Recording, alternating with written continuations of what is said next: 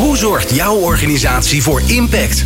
Wat betekenen jullie voor de samenleving? Bedrijven hebben de kracht om maatschappelijke vraagstukken op te lossen. Zo zorgen zij voor winst op alle vlakken.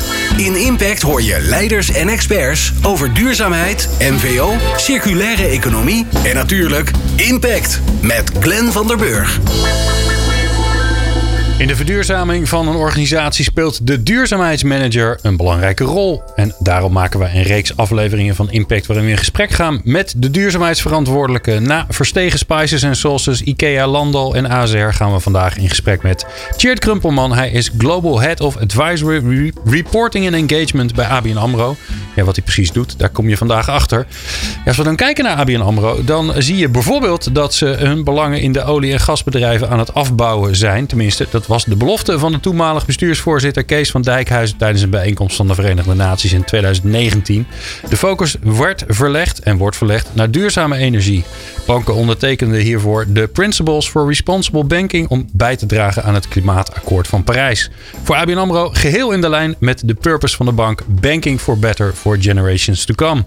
Maar hoe zit het eigenlijk met die beloftes? Wat is er van gerealiseerd en hoe krijg je dat van binnen een enorm gereguleerde omgeving voor elkaar? Dat ga ik allemaal vragen aan Chit Krumpelman, onze gast vandaag. Fijn dat je luistert naar Impact.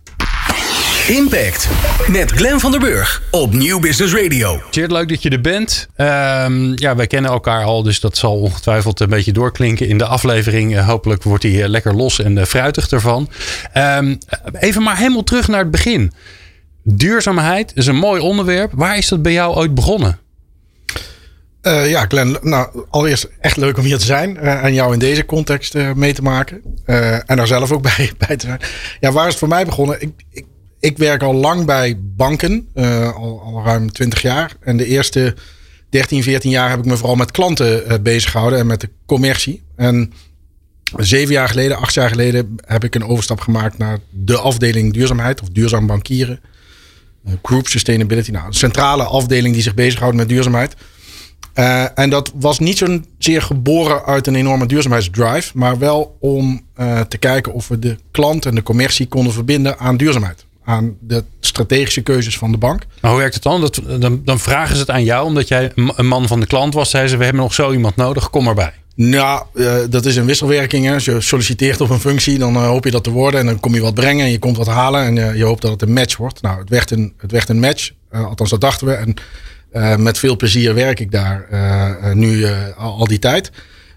en met een ontzettend leuk team, afdeling en betrokken mensen op dit thema proberen we die bank te helpen om te verduurzamen. En dat is een interessante reis. maar er, er was een moment dat jij dacht, ik, want die klanten zijn fascinerend. Dan kun je je hele leven kun je daar met veel plezier kun je daar aan werken. Jij dacht toch, ja, ik, dat duurzaamheid, ik, daar moet ik iets mee. Um, Nee, ik, nou, ik dacht dat op dat moment eigenlijk helemaal niet. Ik dacht op dat moment van, ik, ik wist niet dat we dit deden uh, binnen ABN. Ik werkte daar al een, tijd bij, bij dat bedrijf en ik wist eigenlijk van het bestaan uh, van alle, allerlei ambities nog niet zoveel af. We hadden um, ook nog weinig de verbinding kunnen leggen met onze klanten op dat moment. We waren echt wel met goede dingen bezig, uh, met de, de juiste onderwerpen.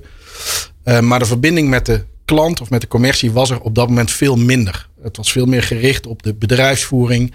Um, ja, ja. Uh, en, en het stond echt, denk ik, nog wel in een beginfase, ook na, um, uh, uh, na een periode waarin banken echt wel in een crisis, de financiële crisis zaten. Um, dus eerst maar even de dingen die je zelf doet op orde brengen. zorgen dat je de kachel niet te warm hebt staan. Dat je dubbelzijdig print, goede koffie, dat soort dingen. Ja, de huis op orde, basisbeginselen. Um, wat er al wel was, is een, een groep echt betrokken gedreven mensen op dit onderwerp. En uh, dat vond ik echt wel heel mooi om mee te maken. Vind ik nog steeds heel mooi om mee te maken. Dat mensen die je spreekt binnen de bank, en inmiddels is dat een veel grotere groep in allerlei hoeken en gaten.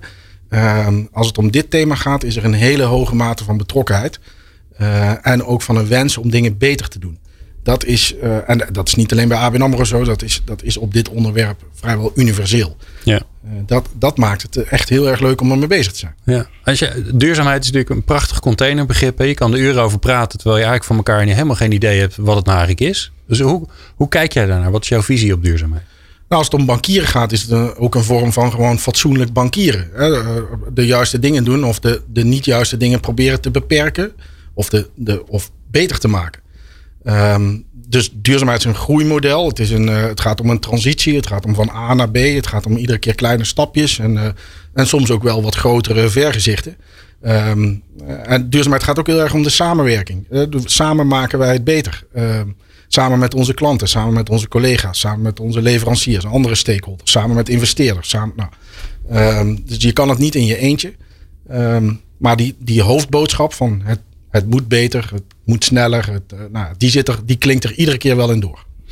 Is dat dan ook de rol die jij ziet voor een bank? Hè? Want ik kan me voorstellen dat als ik aan een, um, een, een onwijs enthousiaste ondernemer van een start-up die iets heel duurzaams heeft bedacht, vraagt, vraagt van wat is duurzaamheid voor jou? Dan gaat hij waarschijnlijk vertellen over zijn eigen drijfveer en dat hij, dat hij de wereld wil veranderen, maar toch wel vanuit de eigen energie. Ik hoor jou eigenlijk zeggen, ja, zo'n bank is toch, hè, dat, dat, dat zit in een web uh, wat verbonden is met alles en iedereen. Hè? Zonder bank kan je bijna niks. Um, uh, en dat is dan ook gelijk onze rol. Hè? Dat samen, dat met elkaar. Nou ja, de rol van de bank is om klanten te helpen. Dat is wat we proberen te doen. En als we klanten uh, kunnen helpen om te verduurzamen, dan moeten we dat doen. En, en ik denk dat we dat kunnen. Door ze kennis en expertise aan te bieden, door de juiste producten aan te bieden, door de goede voorbeelden te delen. Dat, uh, ons, onze strategie is erop gericht dat wij onze klanten helpen in hun transitie naar duurzaamheid. Daar zit onze impact. Dat gaat meteen over honderden miljarden aan ofwel financieringen ofwel beleggingen. Dus dat gaat meteen over groot geld. En, en dus ook over grote impact. Maar het is ook de kernfunctie van de bank. Het helpen van klanten. Ja, uh, daar past het perfect in thuis. Ja, ja maar hè, dan is altijd de vraag: help je klanten met hun vraag? Of heb je zelf ook een idee bij waar het naartoe moet? Nou, allebei. Hè? Uh, maar het is echt niet meer zo dat wij klanten moeten vertellen, alleen maar heel de dag moeten vertellen, het moet duurzamer. Uh, uh, klanten zitten zelf ook al lang op die transitie. Um, en kijken soms naar de bank voor een stukje hulp, stuk financiering, stuk advies, stuk begeleiding. nou, ook weer die goede voorbeelden. Um, maar het is al lang zo. Dat we hebben ook klanten die veel verder zijn in die transitie al dan, dan anderen. Nou, die ja. kunnen we misschien verbinden of daar kunnen wij weer van leren.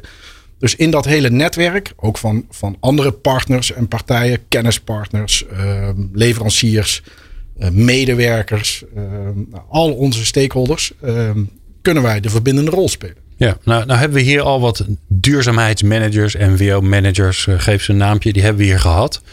Um, ik denk dat jij toch net even een beetje anders bent, eerlijk gezegd. Ik zat ook naar jou, jouw functietitel te kijken. Toen dacht ik, nou, Global Head of Advisory Reporting and Engagement. Er staat geen woord duur, er staat geen duurzaamheid, sustainability of, of CSR of wat dan ook in. Dus hoe, als je nou kijkt naar waar jij verantwoordelijk voor bent, wat je voor elkaar wil krijgen, wat, wat is dat dan? Ja, die functietitel, dat, dat is ook maar een, een naam. Maar uh, uh, in de kern van wat wij, wat wij doen, hè, binnen de afdeling Sustainability, uh, onder leiding van Richard Koloos. Die heeft wel wat meer duurzaamheid in zijn functietitel. Um, maar wij leveren advies, expertise en wij coördineren dingen. Uh, dat is wat wij proberen binnen de bank voor elkaar te krijgen. Uh, dat adviseren, dat gaat over van nou, hoe moet je nou echt duurzaamheid in die strategie krijgen of in je, in je dienstverlening? Waar, waar gaat het dan om? Welke thema's zijn dan belangrijk? Het rapporteren, dat is een wat formelere rol.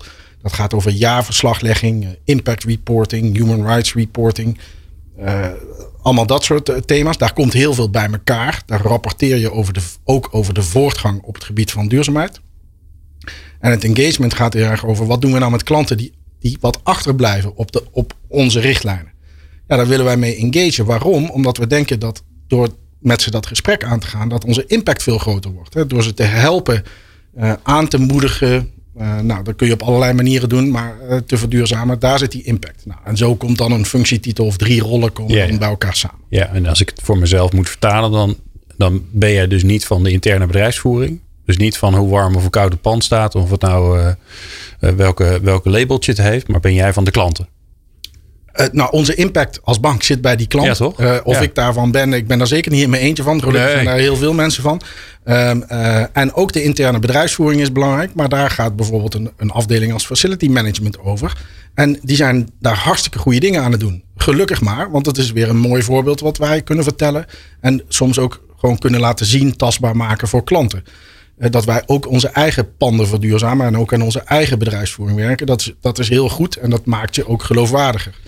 Ehm, en, en je leert er ook weer van en die lessen kun je weer delen met je klanten. Ehm, wat wij proberen te doen en ik probeer te doen is om, om die verbinding ook te maken tussen wat wij doen en wat de klant zou kunnen doen en wat er in de buitenwereld gebeurt.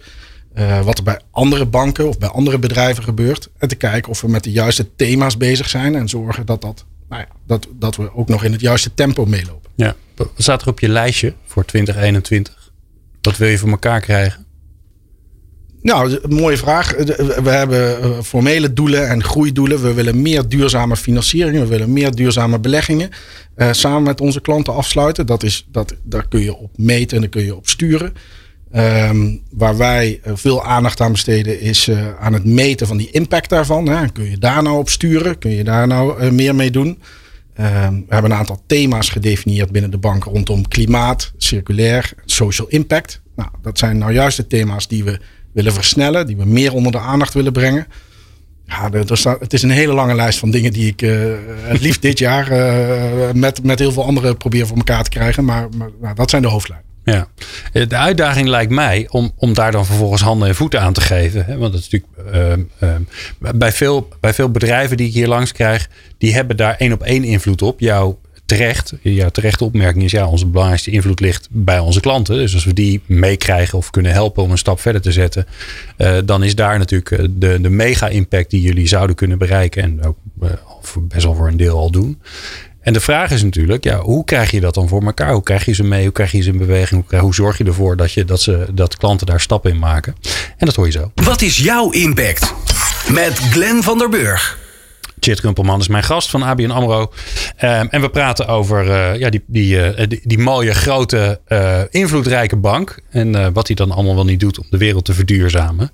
Um, we hadden het net over de klanten. Daar zit natuurlijk de impact. Los van het feit dat jullie met de organisatie zelf natuurlijk ook een footprint hebben. Maar de grote impact zit natuurlijk bij je klanten. En als je dat allemaal in beweging kan krijgen, nou, dan daar hebben we geen voorstellingsvermogen bij. En dat hoeft ook helemaal niet. Laten we het eens heel klein maken. Um, wat, wat doen jullie op dat, op dat kleinste niveau? Dus gewoon van een, niet gelijk een hele grote corporate die klant is, maar gewoon een, nou, stel je voor, ik heb een hypotheek bij jullie of, uh, of ik heb een, uh, een, uh, een rekeningnummer. Wat doe je daarvoor? Nou, die hypotheek die is echt relevant, want dat doen we veel. We hebben ongeveer 850.000 hypotheekklanten of hypotheken verstrekt in Nederland. Dus dat zijn 850.000 huizen? Huizen. Um, uh, dat is 150 miljard aan kredietverlening. Dat is best wel veel. Dat kun je ook nog doorvertalen naar hoeveel megaton CO2 uh, hebben die huizen dan. En wij willen, wat wij willen is die klanten helpen om die woningen te verduurzamen. Um, daar hebben we ook doelstellingen op. Daar hebben we producten voor. Daar hebben we diensten voor bedacht. En dat begint gewoon met het juiste advies. Dat begint met van oké okay, Glenn, nou, dit is jouw woning. Uh, hoe, uh, op welke manier zou jij die kunnen verduurzamen? Dus daar bieden we een soort scan voor aan. die kun je. Stel dat jij dat wil verduurzamen en stel dat jij daar dan ook nog krediet voor nodig hebt of geld voor wil lenen. Dat is niet altijd zo, maar als, als dat zo is, dan bieden we daar krediet voor aan. En stel dat je dat allemaal hebt gedaan en jouw woning is verduurzaamd. Uh, ja, kunnen we dan ook nog duurzamere woning een wat lager uh, rentepercentage in rekening brengen. Hè? Dus kunnen we een onderscheid maken uh, in de tarieven. Ook dat kan. Dus dat maakt het heel praktisch. Dus die, als je het over 150 miljard en 800.000 woningen hebt, dat is allemaal heel groot. Maar uiteindelijk gaat het erover: oké, okay, ik heb hier een woning. Die zou ik misschien als klant willen verduurzamen. Kan ABN AMRO mij daarbij helpen? Kunnen ze mij advies geven wat ik dan moet doen? En kunnen ze naast dat advies mij ook een product bieden, zodat ik dat kan betalen? als ik dat nodig heb en als dat ja. passend is in. Uh, nou, dat is er één. En, en een tweede grote groep klanten die wij hebben, dat zijn mensen die wat geld over hebben, die dat willen beleggen. Uh, dat is ook meer dan 100 miljard aan beleggingen die wij beheren voor onze klanten. Uh, ook die klanten die zeggen van ja, kan dat op een duurzamere manier? En wat we... Ja, en even een pauze. Ja. Is die vrager want dat is natuurlijk mooi, hè? want dat zijn, dat zijn natuurlijk ja. uh, signalen van hoop. Dat die vragen er ja. zijn of nog veel meer beginnen te komen. Nou, die vragen die zijn, die zijn er. Die zijn er al een tijd. Maar wij hebben het omgedraaid. Wij hebben gezegd, de standaard bij ons is duurzaam. Dus je hoeft er eigenlijk niet meer om te vragen. Als jij komt beleggen bij ABN AMRO, is de standaard propositie is een duurzame propositie. Uh, stel dat je dat niet wil, Uh, omdat je zegt, nou, ik wil toch traditioneler of, of minder duurzaam Ik wil beleggen. per, per se beleggen in clusterbommen dan. Ja, dat gaat dan weer niet. Nee, dat hè, dat we- ja. Er zijn wel dingen die we, die we echt niet doen en, en uitsluiten. Gelukkig ook maar. Dus er is een, echt wel een bepaalde ondergrens waar alles aan moet voldoen. Maar tussen die ondergrens en het meest duurzame variant, daar zitten nog wel smaken in. Maar de standaardpropositie is duurzaam. En wij zijn een van de, van de grotere eh, beleggende banken in Nederland. En het feit dat wij die propositie zo hebben omgedraaid, ja, dat, dat doet iets. En Hoe bepaal je dan wat duurzaam is? Hè? Want we begonnen daar eigenlijk begin al aan. Ja, ik weet ook niet. nee, nou, wat, wat vandaag duurzaam is, is het morgen misschien niet meer. Eh, dat kan. Dus je moet dat goed in de gaten houden. En, en hoe we dat bij beleggingen doen, is door eigenlijk analisten te vragen om duurzaamheidscriteria in hun analyses mee te nemen. ESG-criteria heet dat dan, maar, maar we toetsen dus die beleggingen nadrukkelijk op, op de duurzaamheid van die beleggingen. En dat doen we continu. Dus dat doe je niet eenmalig, dat blijf je continu doen. Daar stel je ook portefeuilles op samen en daar stel je adviezen op af. Dus daar, daar hou je rekening mee. Ook dan kom je soms bedrijven tegen waarvan je zegt, nou die voldoen nog niet helemaal. Daar kun je weer engagement op voeren. Dus kun je weer het gesprek mee aangaan. Oké, dus als jullie eigenlijk een. een zo werkt het dus. Dus jullie, jullie analisten die zijn bezig. Die zeggen eigenlijk zouden we deze in het mandje willen hebben. Maar die voldoen nog niet aan de eisen. Dan komen ze bij jullie terug. En dan, zeggen, dan nemen jullie contact met ze op. En zeggen, joh, we willen graag in jullie investeren. Namens onze klanten. Maar jullie voldoen nog niet. Dus als je nou even dingen aanpast, dan mag je het mandje. Op hoofdlijnen werkt het zo. Ja. Ja. En soms zitten ze in het mandje, maar zijn we toch nog steeds kritisch. Vinden we toch nog steeds dat het beter moet. Kun je ook de dialoog aangaan. En even op jouw vraag. Hè, van Maar vragen- zijn die partijen daar dan gevoelig voor? Zeker. Ja, want dit gaat om het grote geld. Hè? Dus dit, dit gaat niet. Wij, wij doen dat niet namens één klant. Wij doen dat namens een grote portefeuille. Ja. Soms doen we dat ook nog samen met andere banken of andere partijen samen. Dan doe je het met nog meer geld. Hè? Dus je, je klopt aan met veel geld bij zo'n bedrijf. Of namens veel investeerders. En je zegt, we willen dat het beter gaat. Even op jouw vraag van, vraagt die klant er nou om? Hè? De groei in dit type beleggingen is gigantisch. Ehm, ehm, we hadden het in het eerste stuk even over hoe lang ik dit doe. En dat heeft niet zozeer met mij te maken, maar ik ken die getallen nog goed. Omdat, zeg maar, in 2013, 2014 hadden wij hier 5 of 6 miljard in. Ja, toen begon jij. Ja, nou ja. Ongeveer, hè? Dit puur toeval, hè? Puur Ja. toeval. Maar we zitten inmiddels ruim, ruim boven de eh 22, 23 miljard. Dus dat is in een paar jaar tijd is dat een vervier, vervijfvoudiging eh, van duurzame beleggingen van onze klanten. Dan zijn we er nog niet, maar die groei is veel sterker dan traditioneel beleggen. Dus het is ook nog commercieel voor een bank ook nog eens interessant. Ja. Ja, dus klanten willen het, eh, ehm, wij kunnen het aanbieden. We hebben, de, we hebben het de standaard gemaakt en je ziet dan vervolgens dat die groei gigantisch is. Wat ik me ook voor kan stellen, hè, want- want die analisten van jullie, die kunnen natuurlijk niks zonder data, zonder informatie over. Ja, en, dat, en die, die komt weer ergens vandaan. Nou weet ik dat je je daar ook heel erg mee bezighoudt. Hè? Eh, rapporteren, reporting, eh, transparantie daarover, afspraken daarover maken. Is niet de meest rock'n'roll onderdeel van duurzaamheid. We hebben het altijd liever over eh, leuke producten of, of misschien zelfs wel technologische dingen. Maar neem jij ons eens even mee, want het is jouw dagelijks werk. Waarom moeten we ons daar toch een beetje meer in verdiepen? Hoe belangrijk het is dat we daar transparant over zijn, dat er gerapporteerd wordt. Nou, er zit op heel veel fronten een enorm disciplinerende werking in transparantie. Als je transparant bent over jouw impact, eh, laten we een makkelijke nemen over de CO2-footprint van een organisatie. Als je daar jaarlijks over rapporteert, dan kunnen mensen daar ook rekening mee houden. Kunnen ze dat controleren? Kunnen ze zich daar een mening over vormen? Het voordeel van beursgenoteerde bedrijven waar je in kan beleggen, is dat er heel veel data over is. Je kan er heel veel eh, informatie daarover vinden, ook over hun duurzaamheid. En daar kun je dus een analyse op doen en dan kun je besluitvorming op doen. ABN AMRO heeft ook nog veel kredietverlening aan midden- en kleinbedrijf. Dat is allemaal niet allemaal beursgenoteerd. Daar wil je ook data van hebben. Dan wil je ook weten hoe duurzaam dat is. Eh, hetzelfde geldt voor hypotheekklanten. Een andere voorbeeld waar we het net over hadden. Als je dat allemaal optelt en eh, analyseert en meeneemt in je verslaglegging en daar transparant over bent, dan stel je het bestuur van een organisatie, in mijn geval een bank, ook in staat om daar besluitvorming op te baseren en daar doelstellingen op af te geven. Die maken het voor de buitenwereld weer interessant, omdat ze daarmee een oordeel kunnen vormen over hoe duurzaam is dan ABN AMRO. Zijn ze op de goede weg? Ja. Gaat dit de goede kant op? Dus die, die transparantie en die disciplinerende werking daarvan, die is gigantisch. En ik, ja, ik, ik moedig dat heel erg aan binnen ABN AMRO. eh, maar ik moedig het ook aan bij andere bedrijven. Eh, laten we het met elkaar eh, verder ontwikkelen. Want nog niet alle data, nog niet alle rapportagemiddelen zijn ervoor. Uh, zeker in de financiële sector is dat een uitdaging. Dat is allemaal best wel complex. Maar we werken met andere banken samen, heel veel partijen over de hele wereld, om te zorgen dat dat wel gaat gebeuren. Ja, dan had ik het al over die, die principles for responsible banking, hè, waarin jullie uh, een aantal afspraken uh, um, hebben ondertekend. Hoe, hoe, is het verder gegaan? Want het is 2019, toen kwam COVID. Nou, het, het, gaat uitstekend, zou ik bijna zeggen, met, met ehm, het aantal deelnemers. toen wij begonnen, toen wij tekenen, waren we zaten we bij de, een kopgroepje van de eerste 80 banken of zo die dat deden. Zitten inmiddels ruim boven de 200. En al die banken hebben zich ook gecommitteerd om transparant verslag te leggen over hun impacts. En daar doelen op te stellen. En die doelen in lijn te brengen met een Parijsakkoord. En, die, en, en uh, jaarlijks te laten zien in hoeverre ze in lijn zitten. En wat hun plannen zijn. Nou, ABN AMRO had die plannen deels al. Maar uh, als gevolg van uh, het ondertekenen van die principles bij de VN... hebben we ook gezegd... sommige van die doelstellingen moeten we misschien nog aanscherpen. Ja, want simpel gezegd, dat ik het snap...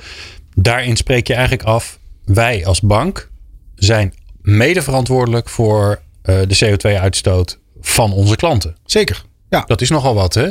Uh, ja, maar, maar, dat, maar zo is het. Dat is Schiphol die zegt: wij zijn, mede uit, uh, wij zijn mede verantwoordelijk voor de uitstoot van de vliegtuigen. Ja, ik weet niet of Schiphol dat zegt. Maar, nee, maar dat zouden ze dan moeten zeggen. ABN AMRO zegt ja. in ieder geval: als wij een woning hebben gefinancierd, en, daar komt, en dat, dat zei ik net, dat is een van onze hoofdactiviteiten. Een woning verbruikt gas en elektra. En daar is CO2 mee gemoeid doorgaans. Een deel van die CO2 is de verantwoordelijkheid van ABN AMRO. En, en datzelfde geldt voor bedrijfskredieten of bedrijfsfinancieringen. En dat geldt ook voor beleggingen. Kun je allemaal analyseren en kun je allemaal zeggen van nou, welke kant moet dat op? En gelukkig, die richting is al bepaald. Die richting, dat noemen we Parijsakkoord. Ruim onder ja. 2 graden blijven. die richting is er. Maar de, de rekensom om te komen van 150 miljard woninghypotheken naar onder 2 graden. En wat dat dan betekent, daar, dat is best complex. Dat is niet iets wat wij samen even op een bierveeltje kunnen uitrekenen. Daar hebben we ook andere marktpartijen voor nodig. Um, en daar moeten we als financiële sector samen ook een methode voor ontwikkelen. Dat, die is er. Die heet PCAF. Uh, of, er zijn er meerdere, maar PCAF is de, is de meest gebruikte. Ik vind echt belangrijk om te melden. Dat is in Nederland ontstaan. Het is een initiatief van ASN Bank. Piet Sprengers en Jeroen Loods. Ik hoop dat ze luisteren. Credits, credits voor jullie heren. Zij zijn dat begonnen. ABN AMRO deed mee, samen met nog een aantal banken vanaf het begin, 2016, 2017. En inmiddels zitten er meer dan 100 banken, ik geloof 20 triljard aan assets over heel de wereld, rapporteren volgens die methode.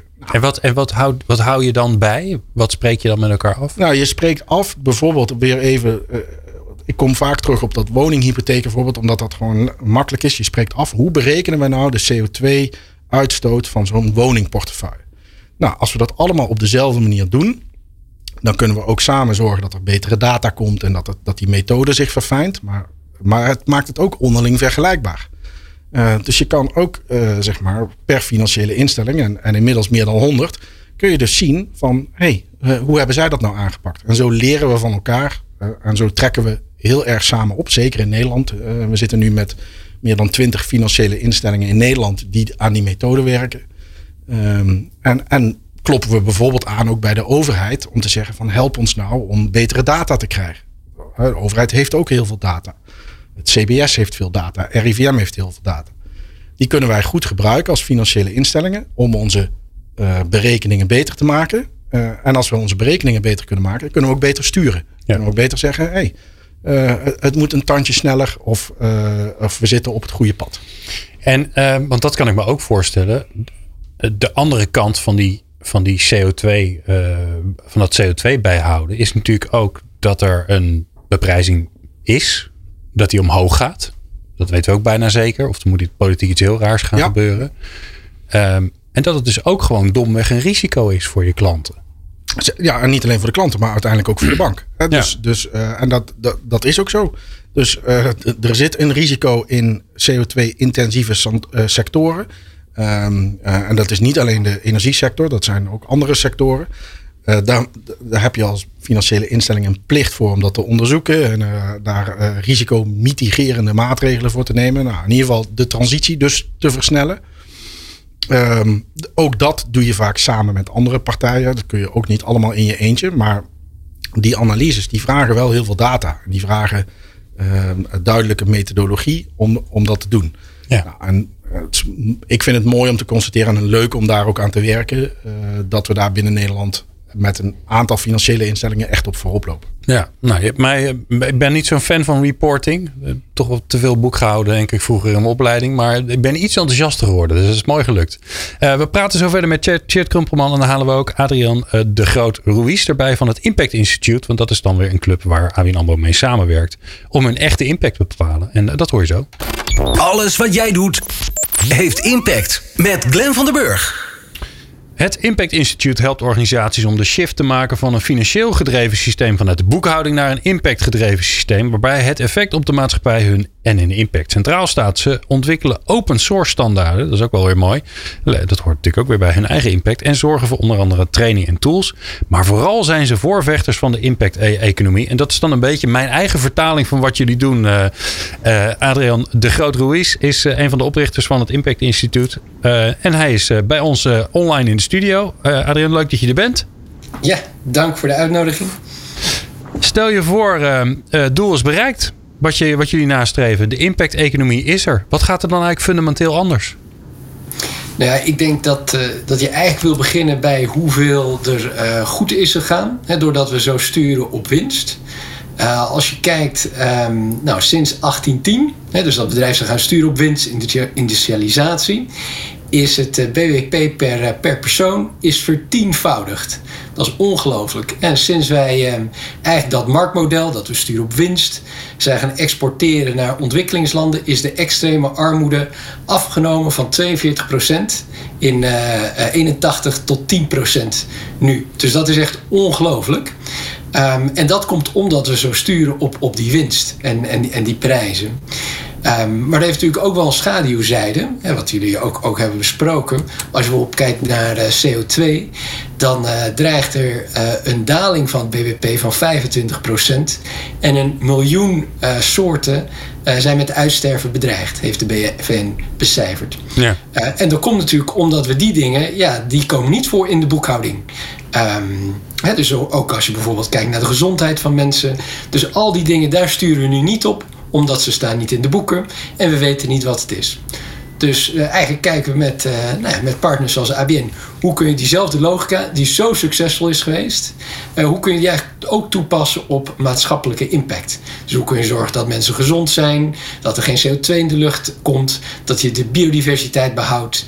Um, en hoe kan je eigenlijk ondernemerschap en technologie gebruiken voor dat maatschappelijke doel? Ja, dus, dus ik, ik, ik, ik, hoor je eigenlijk zeggen: als de impact-economie er is, dan nemen we weer de juiste beslissingen op basis van de, van de informatie die we hebben. En nu nemen we eigenlijk beslissingen op basis van gemankeerde informatie, want we weten gewoon heel veel niet.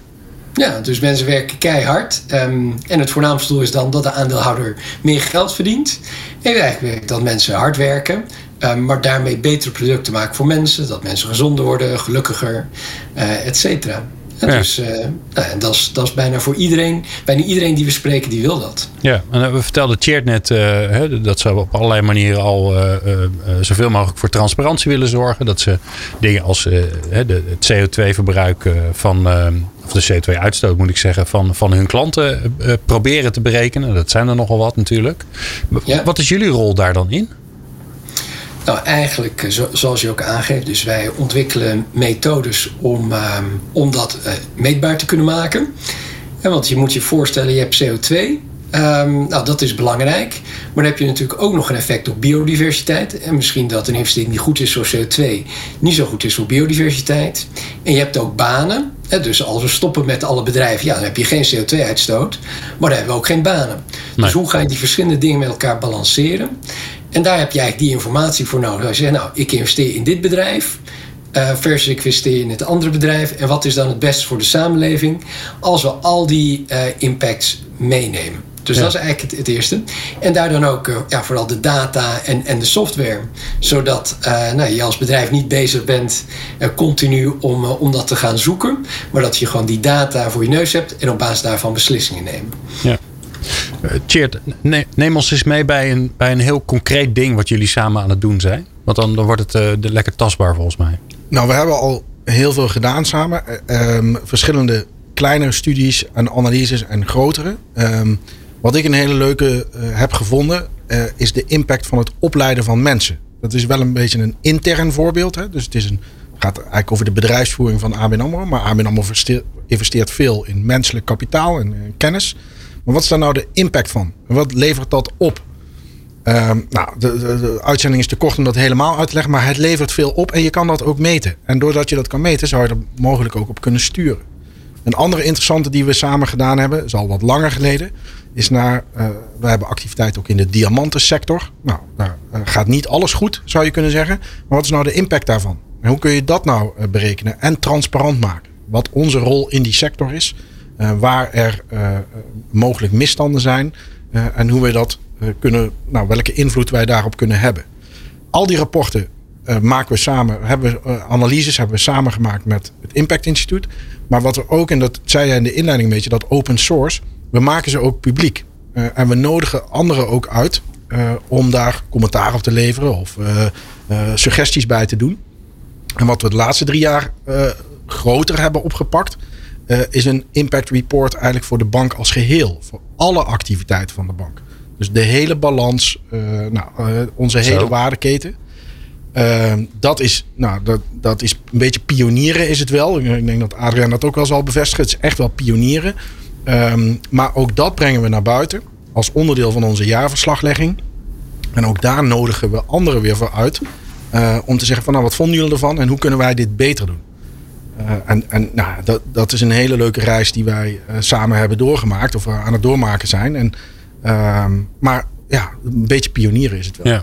Die diamantensector vind ik wel interessant, want dat zien we allemaal voor ons. Hè. Dat komt allemaal uit de grond. En vooral ook in landen waar, waar de controle misschien niet zo fantastisch is op de werkomstandigheden en dergelijke.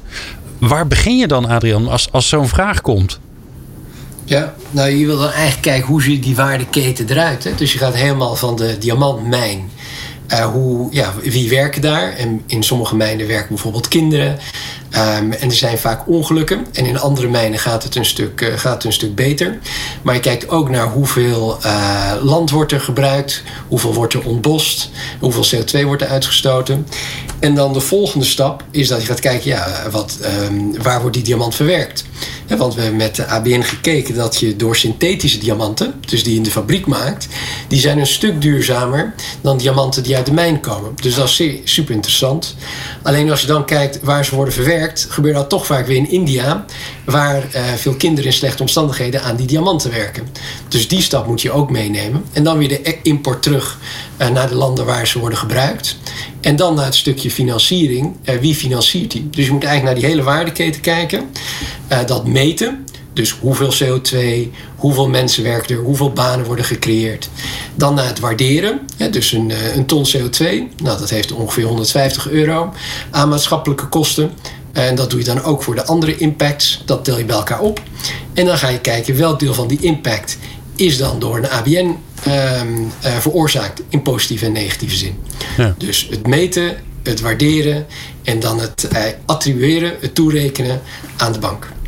Ja, en doordat we dat op verschillende uh, kleine en grote schaal hebben toegepast. Hè. Dus diamant is een één voorbeeld, opleiden is een andere. We hebben het ook voor de hypothekenportefeuille gedaan. We hebben zelfs een analyse gedaan op de werkelijke kosten van een spijkerbroek. Dat kun je allemaal uitrekenen. Wat zijn de werkelijke kosten van een spijkerbroek? Ah, Adriaan, weet, weet, jij ze nog uit je hoofd? Volgens mij 33 euro. Nou, dat valt me nog mee. Nou, kijk, toch? Uh, Dan maken ze nog steeds behoorlijk wat marge. Goedemorgen. Ja, zeker. Uh, maar wat het, natuurlijk het, ook interessant is, is dat ABN wel de eerste bank wereldwijd is die dit heeft gedaan. Dus het is super innovatief. Ja. Ik heb ook wel gehoord dat in andere banken um, nou, er wel jaloers wordt gekeken in de bestuurskamer. En uh, dit jaar zijn we ook uh, nou, met UBS en DBS, de grootste banken in Zuidoost-Azië, met Harvard Business School en Oxford, maar ook de VN, Principles for Responsible Banking, doen mee om zo'n open source standaard specifiek voor, voor banken te, te ontwikkelen. Dus daar zie je wel echt een enorme nou, verandering. Toen wij zelf begonnen in 2012, dacht iedereen: dit gaat nooit gebeuren, veel te ingewikkeld. En nou ja, nu willen heel veel partijen hier, hier aan meedoen. Ja, gelukkig ook maar. Want uh, um, ik vind het altijd leuk om te horen dat ABN AMRO een beetje frontrunner is. Maar als je de enige bent die dit doet, heeft het ook totaal geen zin. Dus we, willen ook, uh, we nodigen actief ook andere banken uit om uh, dit samen te ontwikkelen en samen te doen. dat maakt de methodologie mogelijk beter. Ehm, maar het maakt ook transparantie groter en vergelijkbaarheid. Dus het is, en het is ook leuk. Het is leuk om dit met andere partijen samen te doen. Gaat dit betekenen, ik stel de vraag aan jullie allebei. Hè? Gaat dit gewoon betekenen dat als we, als we wat verder in de toekomst kijken, en dat zal nog wat tijd nodig hebben, uh, dat dit gewoon standaard in de boekhouding komt. Dat de boekhouding bestaat uit financiële cijfers en andere cijfers. Dat is natuurlijk nu ook al als we kijken naar klanttevredenheid. Of, uh, dus er worden al zeg maar niet, niet financiële dingen bijgehouden. Maar gaat dit er ook in komen? Wordt dat gewoon gemeengoed? Van, vanuit mijn perspectief kan, kan je ja, is dat antwoord een volmondig ja. dus waar het naartoe zal gaan is dat elke organisatie, of je nou een bank bent of een, uh, een groot bedrijf of, of een ziekenhuis, publiceren allemaal een financiële jaarrekening. Die gaan ook allemaal zoals ABN zo'n maatschappelijke jaarrekening publiceren. Met eigenlijk het winst en verlies voor de klant en voor de aandeelhouder en, en voor de samenleving. Um, en je ziet ook bijvoorbeeld dat de IFRS, die, de accountingstandaarden wereldwijd, die heeft voor het eerst in zijn bestaan dit jaar de vraag gesteld: ja, wij moeten ook wat met duurzaamheid doen. Nou, dus daar is nu best wel veel, veel verandering. Um, en ook de EU bijvoorbeeld, die, uh, die heeft ook gezegd: ja, wij moeten uh, dat reporting een stuk verder brengen dan waar het is. Dus daar gaat het uh, zeker naartoe, wat mij betreft. Ja, ik, ik ben helemaal mee eens. Ik, ben ervan overtuigd dat het daar naartoe gaat. Sterker nog, ik denk dat het er vaak al wel in zit. Dus in de waardering van bedrijven zitten ook andere kosten en opbrengsten zitten al lang verwerkt. Alleen we maken ze niet zo transparant. Um, maar eh, ook als je kijkt naar koersgevoeligheid soms van aandelen op basis van nieuws. Dat heeft niks met financiële waarde te maken. Dat heeft met andere impacts te maken. Um, maar door die impacts te meten, te rapporteren, maak je ze mogelijk ook stuurbaar voor een organisatie. En dat is eigenlijk waar we naartoe willen. Dus ik, ik ben met Adriaan ervan overtuigd dat het in de rapportage en in de verslaglegging allemaal veel prominentere plek zal krijgen. Deels al heeft, eh, deels zal dat nog ontwikkeld worden de komende jaren. Eh, maar in de waardering van veel organisaties zit het vandaag al.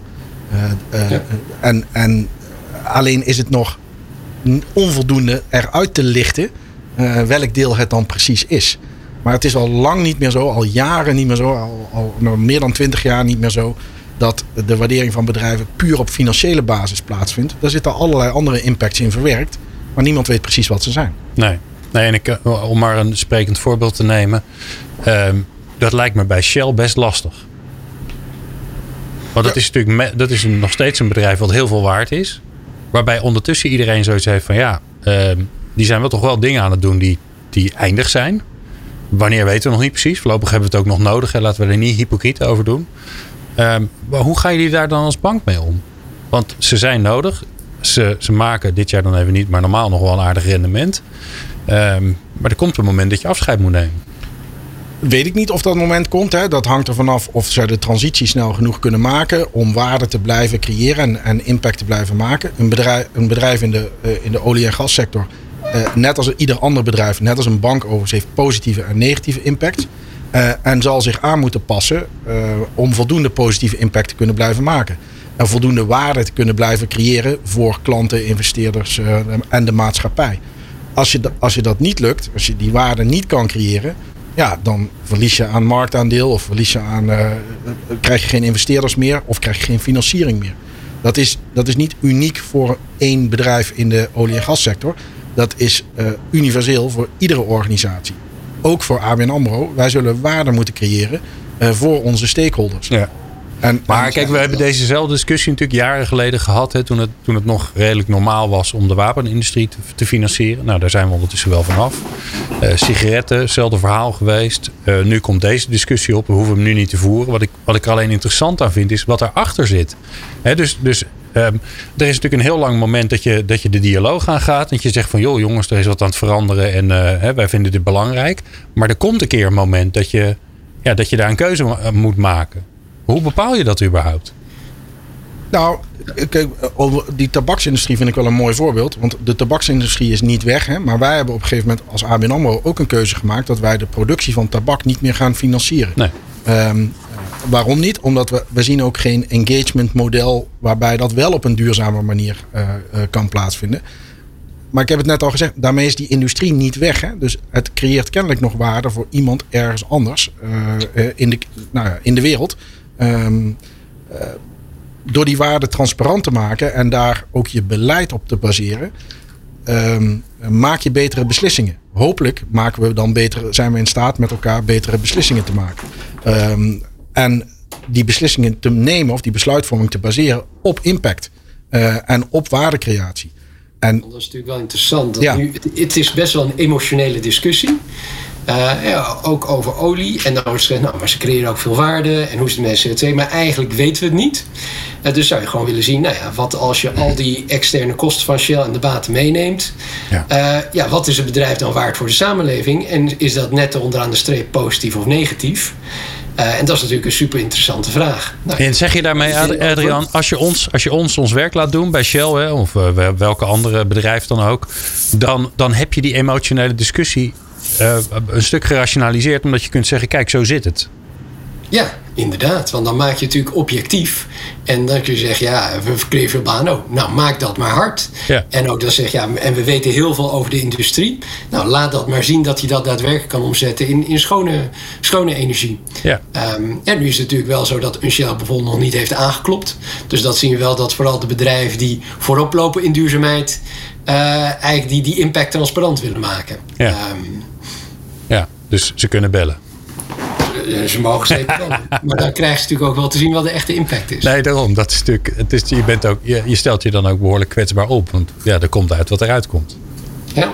Nou ja, daarom zeggen we, transparantie is dus disciplinerend. Hè? En uh, ik ben duurzaamheid en de, de, de transitie is gebaat bij die transparantie. Want dan weten we waar de impact zit en waar, aan welke knop we moeten draaien. Ja. Uh, en, en ja, het zou prachtig zijn als, uh, als meer bedrijven dat gaan doen. Er zijn er gelukkig ook al wel meer dan ABN AMRO. Hè. Ik bedoel, wij werken ook... Je hebt hier in de studio ook uh, Alliander gehad. Doen fantastische dingen. De NS heeft fantastische dingen gedaan op gebied... en doet nog steeds mooie dingen. Um, Adriaan en ik werken nu samen met een aantal andere banken... die ook echt wel goede dingen al hebben laten zien... op het gebied van impact en, en transparantie daarin. Nou ja, er zijn uh, een Nike is een, is een mooi voorbeeld. Caring. nou, er zijn steeds meer mooie voorbeelden um, van impact denken en impact rapporteren. Um, en, en als je die groei ziet over de laatste paar jaar, nou, dan heb ik er zeer veel vertrouwen in dat, dat zich dat doorzet de komende jaren. Ja. Um, laatste vraag aan jullie allebei. Um, ja, de, de, de toekomst ligt voor ons. Dat is altijd zo. Want dan zouden we het het verleden noemen. Uh, wat, uh, Tjeerd, eerst even bij jou beginnen.